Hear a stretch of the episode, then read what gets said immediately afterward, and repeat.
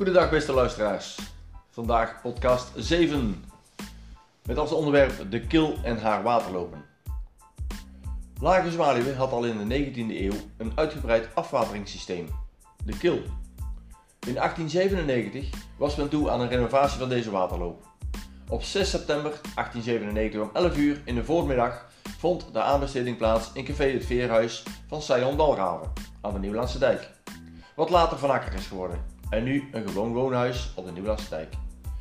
De aanbesteding betrof het uitdiepen en onder profiel brengen van de kil en hare vertakkingen. Alsmede de waterlopen in de polder Oudland en Nieuwland te Lage Zwaluwe. En het aldaar aanbrengen van wachters en schoren. Er zit nog steeds een steen ingemetseld rechts in het pand van Nieuwlandsdijk 131, het voormalige café. De Kil was een waterloop die begon bij het sluisje aan de Nieuwlandse dijk, waar nu de garage staat van huis nummer 104, en eindigde bij de watermolen Schuddebeurs. Ik zal u beschrijven hoe de waterloop liep door en langs het dorp Lage Zwaluwe. Zoals ik al zei, begon deze bij het sluisje aan de Nieuwlandse dijk aan de havenkant, wat onder de dijk doorliep. Door het getijdenverschil stroomde er bijna bij vloed water naar binnen door het sluisje naar de onderstraat. Daar splitste het water naar het noorden en voerde de kil naar de Jut, die zo in de volksmond werd genoemd, en sommige oud-Zwaluwenaren noemen het nog steeds zo. Dus eigenlijk was het de Kilstraat. Het water liep langs de zuidkant van de Vlierstraat en de Dirk de Botsdijk onder de dijk door naar de Schuddebeurs, naar de watermolen, die onlangs verbouwd is tot vakantiewoning. Naar het zuiden ging hij langs de Onderstraat, achterlangs de Nederlandse hervormde kerk, langs de Kerkstraat, Dorpstraat, waar hij tussen de boerderij van Chef Ginneke aan het plantsoen en de Rooms-Katholieke pastorie uitmondde in de kil van het plantsoen. Op deze plaats kwam ook de waterloop vanaf de Geit.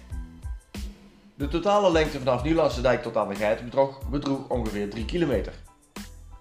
Op een gegeven moment is er ook nog sprake geweest van een ijsbaan op de Olm, waar nu de gedeeltelijke begraafplaats is, en nog een klein stukje grasveld gezien vanaf de Olmhof. De toenmalige pastoor Gommers had een idee om het kilwater maar eens over de Olm te laten lopen, tegen de tijd dat het zou gaan vriezen. Daar kon de jeugd dan mooi op schaatsen. Of dat er echt van gekomen is, weet ik niet. En dat zou aan de oudere mensen op Zwaluwe nog gevraagd kunnen worden. Op dit grote stuk had de kil talloze zijsloten en overal lagen er overheen, om zo in de weilanden en landerijen te komen, aan de westkant van het dorp. De wijken daar zijn pas in de jaren 70 gebouwd. Vervolgens ging de kil verder langs plantsoen, waar de woningen aan de zuidkant bruggetjes hadden liggen, om zo vanaf hun tuin op de weg konden komen. Ik zelf weet nog dat we daar tegenover de Willy Broderschool in de winter schotsen deden lopen. Oftewel scholletje trappen. En dikwijls een nat pak haalden, zodat we weer naar huis konden voor een verschoning. Ook vanaf de schuur van Lambrechts over de kil springen. Aan de kant van de boerderij was een hoge betonnen rand, waar je goed kon afzetten om de sprong te wagen. En aan de straatzijde liep de graskant schuin naar beneden. Zodoende was, het dat, was dat een stuk makkelijker. Ook dat werd wel eens een nat pak.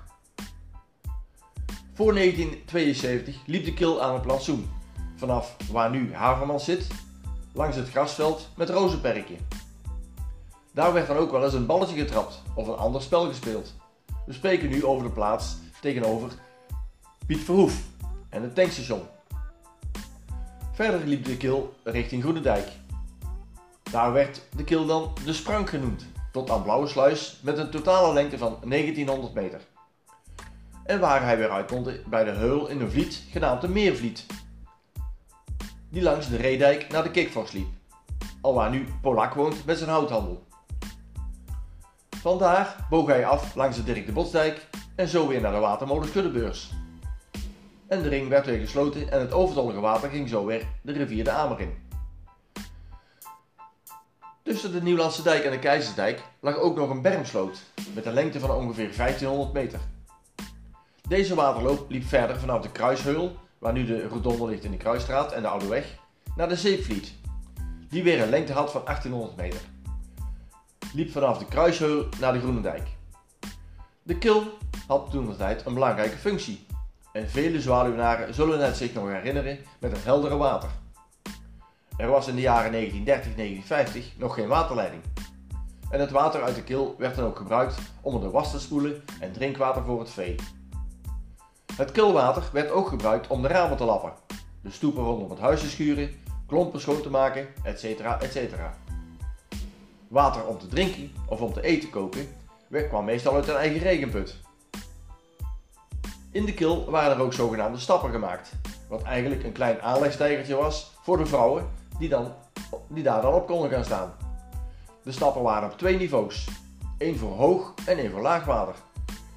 Vooral in het najaar kon het water nog wel eens behoorlijk hoog staan. Op die stappen aan de kil kon het ook gezellig zijn. Men had er altijd een burt, of ook wel gezegd een praatje. En er werden ook dikwijls nieuwtjes uitgewisseld. Ondertussen dat men de was spoelde, lagen de kinderen op hun buik naar de visjes te kijken of al het andere onder water leven. Door de aanleg van de waterleiding was het gebruik van het huishouden niet meer zo nodig. En daar er steeds meer riolering op de kil uitkwam, vervuilde het water steeds erger. Op een gegeven moment besloot het gemeentebestuur de kil op de meeste plaatsen te dempen, daar er rioleringsleiding in de kil was gelegd. Als je nu in deze tijd door de Onderstraat wandelt en de Vijverstraat, zie je soms nog een stukje oude kil lopen. Dat is al wat er overgebleven is van het prachtige waterwerk dat onze voorouders zo'n goede dienst heeft bewezen. Meer informatie over de kil en haar waterlopen kunt u krijgen bij onze erfgoedvereniging. Kijk voor adressen en telefoonnummers op onze website erfgoedzwaluwe.nl. Mijn volgende podcast zal gaan over de haven van Hoge Zwaluwe.